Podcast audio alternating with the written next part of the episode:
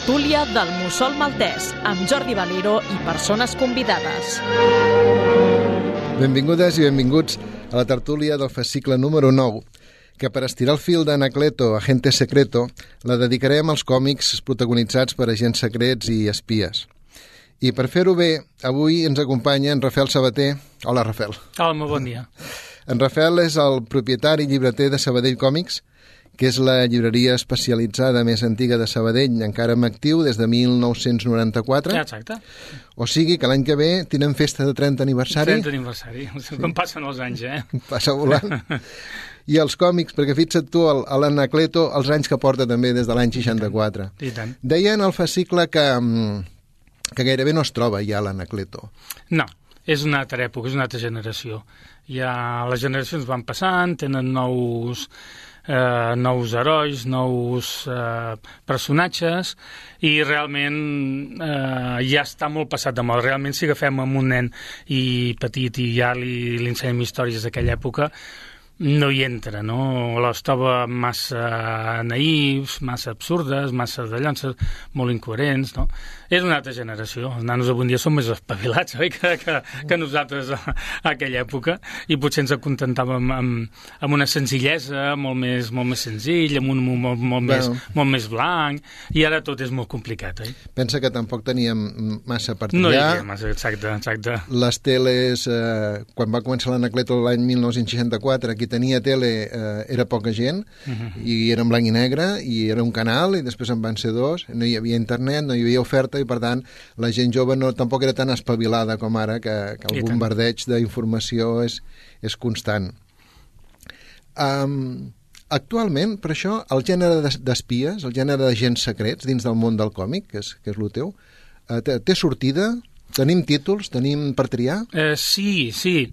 El que passa també eh, és un públic, que també és un públic molt limitat, perquè també avui en dia hi ha tantes històries, hi ha tantes temàtiques, hi ha tants tipus de, de narració i d'explicar coses que, clar, tot, tot s'ha anat diluint també. Abans tot era molt més bàsic, hi havia quatre, quatre estils, quatre, quatre menes de dibuixos, quatre històries, hi havia a l'oeste, hi havia espies, hi havia no sé uh -huh. Avui en dia tot és tot s'ha barrejat, avui l'entrada dels videojocs també ha fet molt. Hi ha moltes temàtiques, hi ha ciència ficció, hi ha, hi ha tanta, tanta diversitat que sí, té el seu ninxo, no? però, però és petit. Eh, realment està allà, està allà. Els espies, els, els, els agents secrets estan allà, però no és el gran gènere d'avui en dia, que diu, avui en dia hi haurien moltes altres temàtiques, no? Però, bueno, té el seu públic i està allà. Home, el, uh, Bruguera, que és, que és qui, va, que, qui va acabar editant a Anacleto i així, és el, el primer, que em consta, que va editar còmics de James Bond eh, cap a l'any cap a l'any sí. 85. Després li va agafar el relleu Planeta uh mhm. -huh. i avui en dia és Panini, Panini que té una àmplia oferta sobre, sobre James Bond. No? Però com que de James Bond ja n'hem parlat amb, amb altres fascicles específics, deixem-lo de banda i anem, anem cap a, cap a la, les històries d'agents secrets Quin, quin còmic creus que, que podem esmentar com a, com a inici, com a començament de, de tot aquesta, aquest subgènere? Sí, realment... Eh, ni que les històries fossin més de gàngster que, que altres coses. El gran, gran, gran eh, protagonista als anys 30 va ser la Gente Secreto X9 que eren unes tires diàries que es publicaven mm. quatre vinyetes cada dia i la gent havia de llegir el diari i la història continuava i cada dia havies de llegir el diari per fins a formar la història. No? Això va ser creat pel Abdashil Hamed i el dibuixant va ser l'Alex Raymond, el que va ser estriat per, per fer la, les tires. Van estar publicant-se de l'any 34 fins a l'any 96, eh? O sigui, 60 anys, eh? Que 60, 60 anys. El que passa van canviant, van anar canviant els guionistes i van anar canviant els dibuixants, lògicament, eh? I la, també el personatge també va anar canviant. Realment no va ser un, un agent secret eh, com, com si fos un James Bond, era més, lluitava més contra el gàngster, contra la lampa, eh? no era aquest del, dels vols de, de, de, grans, de lluitar contra grans corporacions o, o altres països o estats malvats. Era més, més casolà, era més, eh? més de, de gàngsters, de, de, de pistola. Eh? Sí, perquè um, el van el van crear, diguem-ne, el, va, el va demanar, va ser, va ser un encàrrec del, del que presidia llavors el Kingfisher Syndicate, que era l'organització, una de les, de les més importants a nivell periodístic, eh, per, diguem-ne, per combatre la, la fama, per contrarrestar la fama de, del, del, seu, del seu diari opositor que publicava Dick Tracy. Que, Clar, que Dick era Tracy que és el era, gran altre, era el lluitador mateix. del, contra els gàngsters. Clar, Correcte. aquest sí que és autènticament uh, un, un, lluit, un que lluitava contra els gàngsters. I realment aquí li van ficar Gente Secreto, però realment la base, la base també era és això, no? Era ser la, la, la, la competència de, del, del Dick Tracy. I per no remuntar-nos tant al passat, perquè la gent que ens escolti vulgui, vulgui llegir-los i els vulgui trobar, tot i que aquests estaven editats amb, amb, amb volums, no? Mhm. però algo més recent, cap, cap on ens n'aniríem? Després ja ens aniríem eh, cap als anys 80, una cosa així. Hi ha un manga que és molt, molt bo, molt bo, que és curiós perquè és una barreja entre ciència-ficció i, i espies, eh, gangs, eh, de tot aquest món. O sigui, barreja, eh, és en un futur, és de Ghost in the Shell, Ghost in the Shell? Sí, uh, l'autor és el Masamune Shiro, que se n'ha fet una adaptació al cinema, Sí. que la va, eh, qui la va ser la, la protagonista era la... Se. Era la Scarlett La Scarlett Johansson? Johansson, exacte, la Scarlett Johansson. No va tenir molt èxit perquè realment no és excessiva, no van trobar, no van trobar, no van saber eh, l'essència del còmic passar-lo eh, al, al cinema. Va passar molt desapercebuda. Sí que hi ha una adaptació a l'anime amb dibuixos animats que va ser, és perfecta, és preciosa, que aquesta sí es diu igualment, de Ghost in the Shell, que també és dels anys 90, eh, al cap d'uns anys es va fer l'adaptació, i en aquest cas sí que, que, que, que la- l'adaptació del, del, amb dibuixos animats va ser molt, molt bona. I ens parla d'un futur on Eh, un futur que, és, que ja hi som quasi bé, eh? fa 30 anys d'això, però ja estem molt a prop. Eh? És un futur on el, tot el tema cibernètic s'ha apoderat de la, de, de, de, de, del món, no? que hi anem i estem anant, i d'una manera molt ràpida. No? Són les màquines ja les que, les que són les malvades, ja. Més que inclús que les persones, les que són dolentes, ja, ja, són, ja són les màquines. I és una unitat eh, de, de, de contraespionatge doncs, dedicada a anar per tot el món per lluitar, més que contra corporacions amb un personatge com el Doctor No. Això és directament ja és que ja estem al núvol. Ja són, Ja. ja són coses ja que el, el dolent en aquesta, en aquesta sèrie és que ni existeix. Està al núvol. És una màquina. O sigui, que ens dona, i realment eh, fa 30 anys això, i ho, potser ho vam veure molt com, com, com una cosa, oh, oh, i això no passarà mai, i estem anant, eh? Amb les últimes notícies que ens estan explicant d'intel·ligència artificial. Fa, fa una miqueta de por, eh? Tot el que expliquen. És, I aquest realment sí que va ser... A més, va ser el, un autèntic boom que va donar ales a tot el... És un dels grans primers grans còmics, en aquest cas manga japonès, de, del món d'aquest cibernètic, de tot aquest món d'un futur distòpics i tot això. Va ser un gran èxit. I a més està molt bé per això, no? perquè per barreja el món dels espies amb això, amb la ciència-ficció així, post-apocalíptica i amb un futur eh, distòpic. Uh, uh, ens pensàvem que la ciència-ficció evolucionaria com, com ens mostrava Blade Runner i en canvi Blade Runner uh, queda, queda curt, eh, Mhm. I queda de conte de, de nens quasi bé comparat amb el que ens ve, amb el que deies de la intel·ligència artificial, no? Sí, sí, ja Perquè- veurem què passarà, eh? perquè el, tal, tal com van sortint notícies últimament, eh, fa una miqueta de por, eh? Sí, perquè a més eh, no, no estem anant a, a pas a pas, és, estem fent salts. Sí. Eh? I, i, Sí, sí, i cada sí. salt és exponencialment Sí, sí. més gran, amb la qual en una setmana pot canviar Sí, sí. radicalment. És ben bé com el canvi climàtic. Eh? Allò Exacte. que, No, el canvi climàtic del 2050, pujarà, no, no. I veiem que, que portem un Sí, any sí. que és que ha donat un salt, doncs és el mateix, no? Tot, tot fa molta por. el futur no es planteja gaire, Vinga, gaire una, curiós. un eh? altre còmic que no ens faci tanta por, quin Va, seria? vinga. Un, mira, un, un que també que també barreja espies amb un altre tema que és el de superherois, Uh -huh. que és la Viuda Negra, la, el, la protagonista la Natasha Romanov, o Romanova, eh, segons si és, eh, de, diguem, amb, el, amb, amb, el, amb la traducció russa o, o, o americana, i és una espia doncs que en aquest cas eh, està molt ficada, molt, molt lligada amb el tema de superherois, amb el personatge de Daredevil. Vol dir que aquí tenim, eh, hi ha personatges que ja tenen superpoders, que ja no només ja és allò de, de la seva intel·ligència, la seva agilitat o la seva perspicàcia, sinó que sobre ja tenim de temes superherois, eh?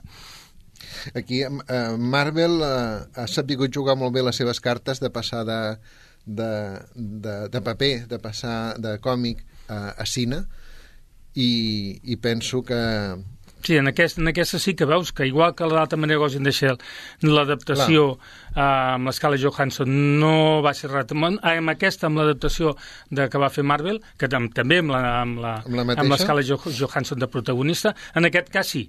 En aquest cas que la van, la van encertar força bé, tant el personatge, la manera de ser, i la van fer força fidel al, al còmic i, al, i a la manera d'entendre. De, Recordo una escena en, en el cine que em, em que em va fer molta gràcia, d'humor, que se n'enriu d'ella mateixa, cada vegada que salta i cau a terra, amb aquella pose així mig, mig encongida, que recorda una mica l'Spiderman, no? Mm -hmm. I que la seva germana o germanastra, no, no recordo, li diu, per què sempre caus d'aquesta manera i fas aquesta pose, no? Com, com dient, o estàs, sí, sí. estàs posant per les fotos, és una, no? Exacte, és una, una pose. I, i allò. està molt bé és un perquè... posado, és un posado, ben bé per, Correcte. per de cara. I llavors, cara. quan ella salta una vegada, es queda pensant, diu, ostres, és veritat, ho faig així. Ho faig, ho faig. I, I és molt, veu molt de, de tots els superherois, també, sí, no? no, no, és que el, és això, és així. Els superherois de Marvel, eh, tots sempre tenen aquestes notes d'humor que et poden agradar més o menys, però que són constants i que també ajuden a relaxar una mica ah, la, sí, la tensió, sí. no? perquè si no acabaríem explotant. Sí, sí. Un altre que portat? també uh, de, també dels de, Units és el Kingsman, el Agente Secreto. I tant. Aquesta és, mm, podríem dir, el James Bond portat a l'extrem de, mm. de barbaritats. De, és el més bèstia que, que realment. També va haver-hi l'adaptació al cinema, sí? eh, que també va, va tenir molt molt, també va tenir molt, molt èxit.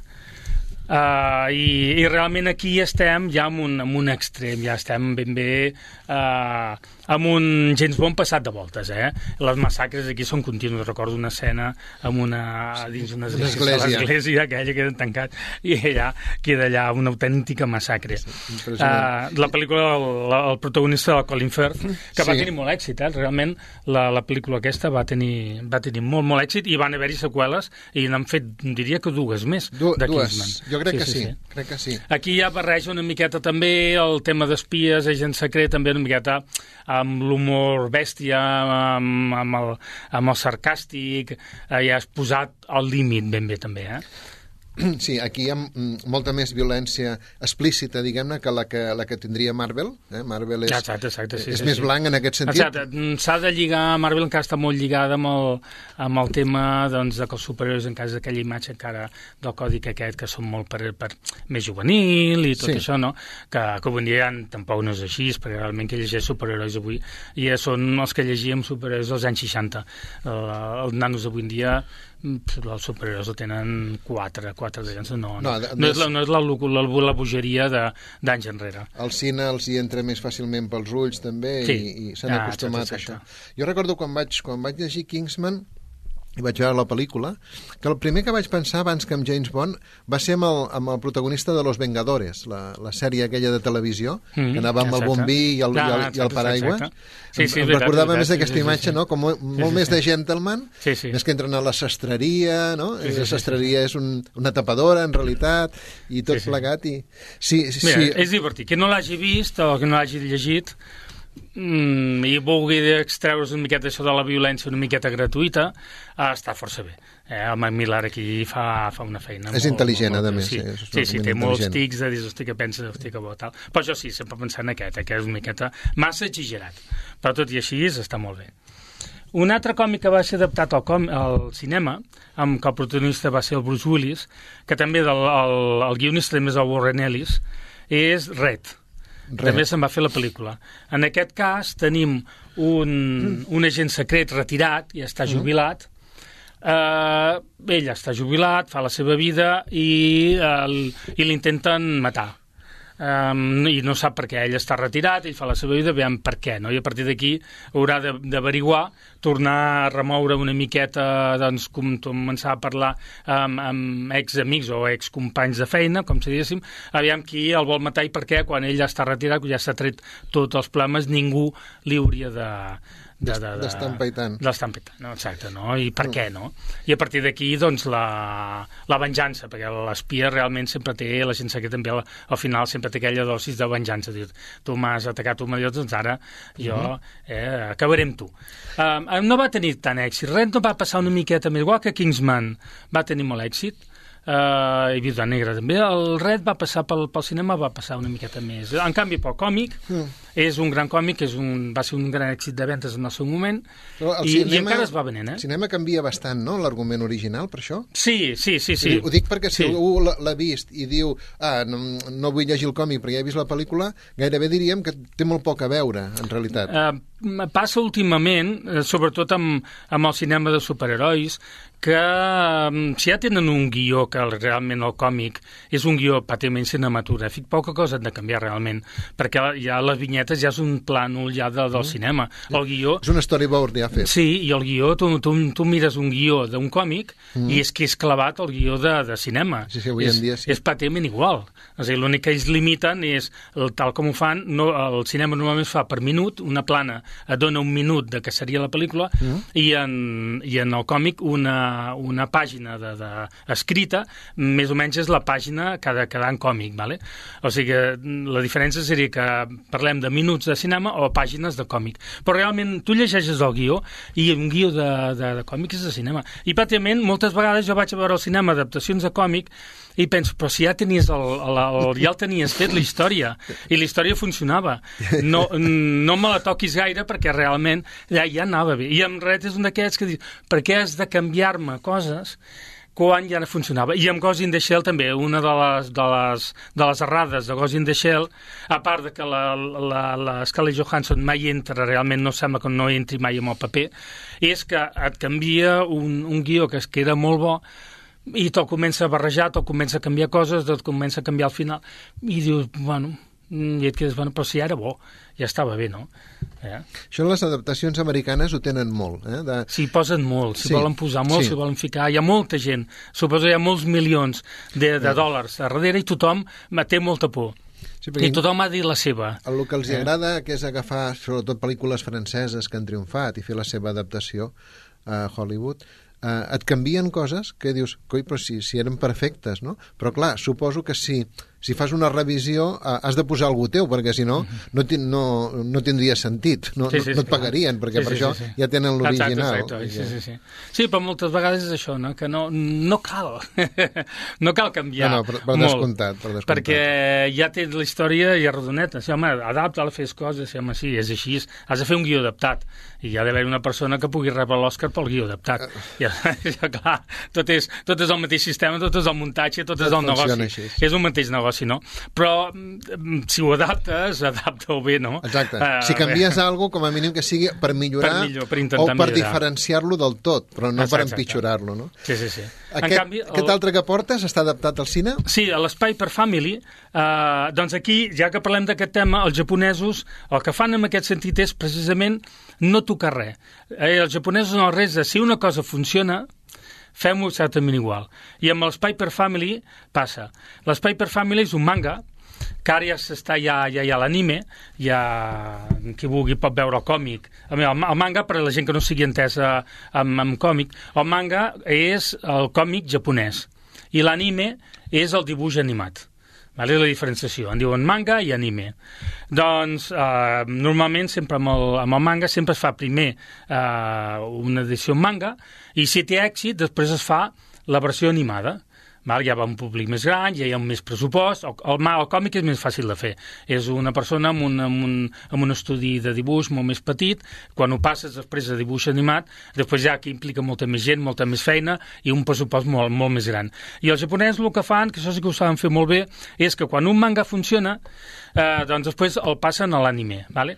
però eh, el, el mantenen molt fidel a la història. Val? Perquè si ells diuen si això ha funcionat amb, amb manga, amb, amb còmic, amb paper, doncs adaptem-ho molt fidel. Sí que després, eh, en el moment que ja la sèrie d'animació comença a tenir èxit, hi han dues sèries que fun estan funcionant, que és el manga per una banda i l'anime per una altra, Després sí que es, va, eh, es van diferenciant, ja van ficant. Quan les dues ja tenen el seu, el seu recorregut i la, uh -huh. seva, i la seva història, després sí que ja comencen després a, a, a separar-se. Val. Val? I després sí que ja comencen a fer el, el seu procés cada un una miqueta. Tot i així els van intercanviant. I després arriba un moment que els interessa que qui segueix l'anime també compri el manga. Dalt, i després en el manga posen coses que ja no hi són en l'anime, i al revés. Però és tot eh, el negoci aquest global, que els japonesos això ho saben això fer molt, molt bé, i a partir d'aquí et faran videojocs, i a partir d'aquí et faran ninos, et faran un merchandising... Sí, sí. I et faran pel·lícules en real life, amb ah, qual exacte. arribaran ja a l'extrem. El que sí tinc, tinc curiositat perquè, bueno, per, per la gent que, que ens està escoltant, si, si veu que hi ha alguna pausa o, o que fem algun soroll, és perquè en, en tots aquests còmics que estem parlant, el Rafael els ha portat, i ens, els, aquí, exacte, ens els estem passant aquí sobre, exacte, tenim... sobre la taula, els tenim aquí. Veus? I està, està picant el Rafael perquè Exacte. veieu que són reals. Ja els tenim aquí. Um, en aquest, l'espai per family... Sí, una, una pregunta abans, sí. que, que sempre tinc curiositat. Com és que es fan tants tomos? D'aquestes sèries de manga? Mm, seria com les sèries de televisió aquí, que ara ja no es fa tant, però anys enrere sí que es feia molt, que quan una, una sèrie tenia èxit es mantenia. 7 o 8 temporades... Mm, sí, 8, 10, 15 o 20. 20, 20 eh? episodis eh? per temporada, no? Sí, mentre la gent fos fidel i la gent comprés i mm. vagi comprant el producte i el segueixi comprant, amb ells els hi és. I realment, sí, sí, eh, bueno, el, el, el que s'està publicant en aquests moments, que, que segueix eh, sent el número en vendes, i ja van pel tomo 104, és el One Piece, el mal sí. còmic One Piece, que estigui publicat aquí. Ara dic uh, còmics que publicats aquí a Espanya sí. que siguin com a mínim coneguts, per Japó n'hi ha altres ja van pel 200, però no s'han publicat eh, en va pel 104, eh? El, publicat aquí, o sigui, 104 volums. Imagina la història, si ha donat a donar voltes, ha d'haver notat i de tornar a començar, però la gent és fidel, és fidel, eh? El One Piece és un dels còmics, segueix un manga, més venuts de, de nosaltres a la història. No, van pel 104, eh? A l'anime... Imagina't, eh? Estem parlant de 200 pàgines cada un. 200 pàgines per 104, o sigui, estem parlant de 20.000 pàgines. És el que estava oi? pensant, la feinada que té dibuixar això. I tant, i tant. Que... Sí, sí, sí, ja són, tenen estudis, eh? O sigui, ja no és, sí, sí, no, no, ja, ja no és un dibuixant sol. Es comença un, un sol, presenta, presenta un, proju, un el, el projecte, el presenta, eh, dibuixa uns quantes pàgines i després l'editorial, si li interessa i tal, després ja li posa ajudants, val? perquè puguin anar de pressa. Bé, estem parlant que això s'ha de produir ràpid. S'ha de produir Quants molt, tomos té el detectiu Conan, saps? El detectiu Conan també va, també va pel 100, eh? També va. També, sí, sí. I també és el llarg, sí senyor. El Detective Conan, veus? Aquest és un, un, de, un de detectius mm. que, Aquest que no hauria de ser infantil, perquè no és, no, no és infantil. No, no, gens, no gens. Eh? El que passa que, com que és dibuix animat, ens sembla que els nens poden llegir, però el Detective Conan pots veure caps tallats, pots veure un cas sí, sí. que hi ha un home amb un, amb un cap tallat, o sigui, tampoc. No, i els, els casos a resoldre són complicats. Sí, sí, sí. sí. Tenen... N'hi ha algun de macabre, n'hi ha algun de, de, I a part complicat, sí, sí. sí Aquests sí. d'espai per family, que tenim aquí, quants, quants tomos porten? De moment, 10, de moment, 10. però la sèrie és oberta, ja dic de moment perquè és vale. oberta. En aquest cas tenim la història... Que... Són arcs argumentals o és una història lineal? De moment, lineal, de moment lineal. Però, bueno, sempre la base, sempre amb el manga, sempre la base és la mateixa.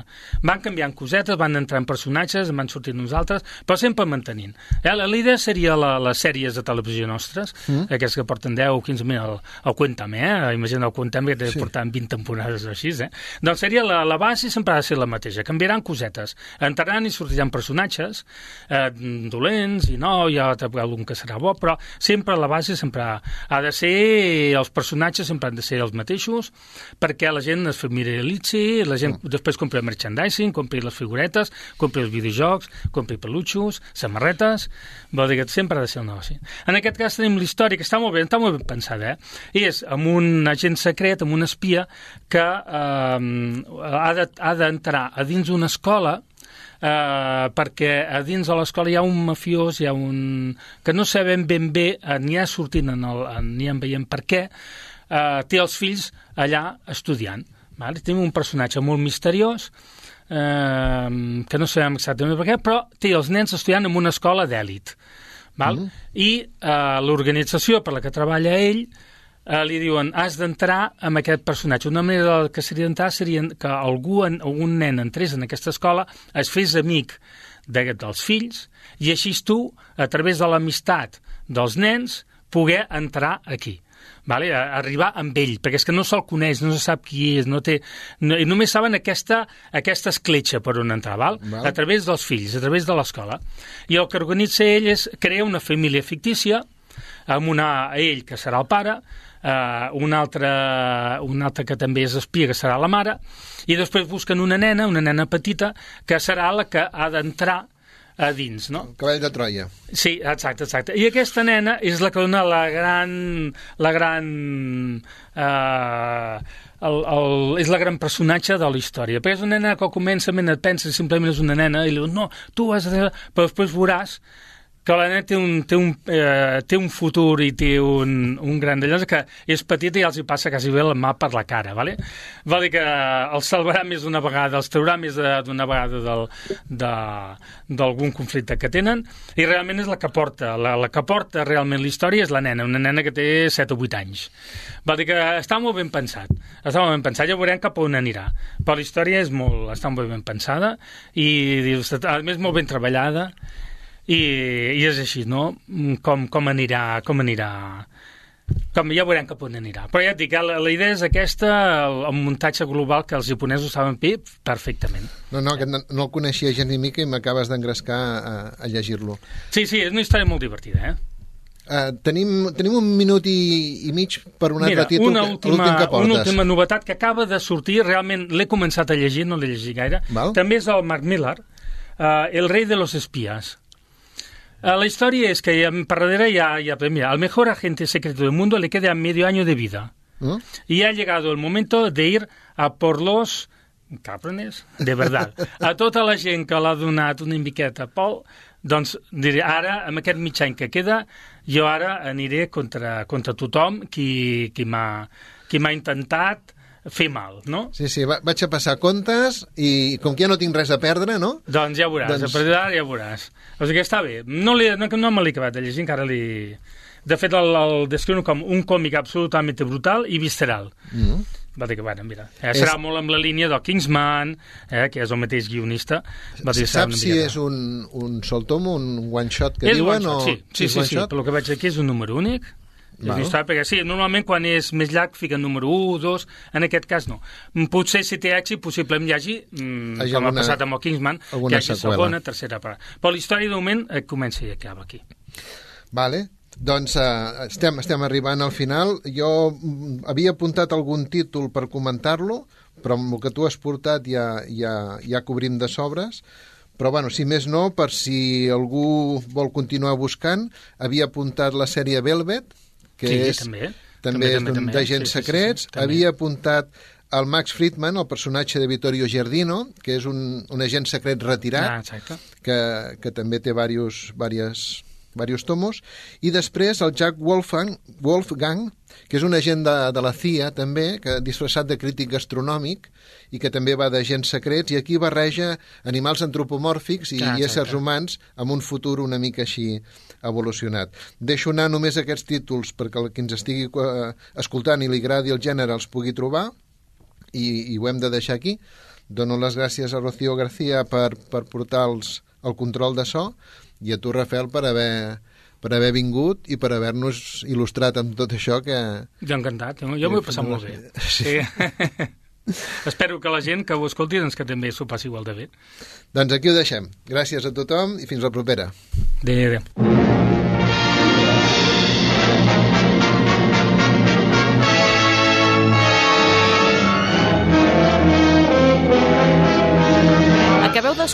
La tertúlia del Mussol Maltès.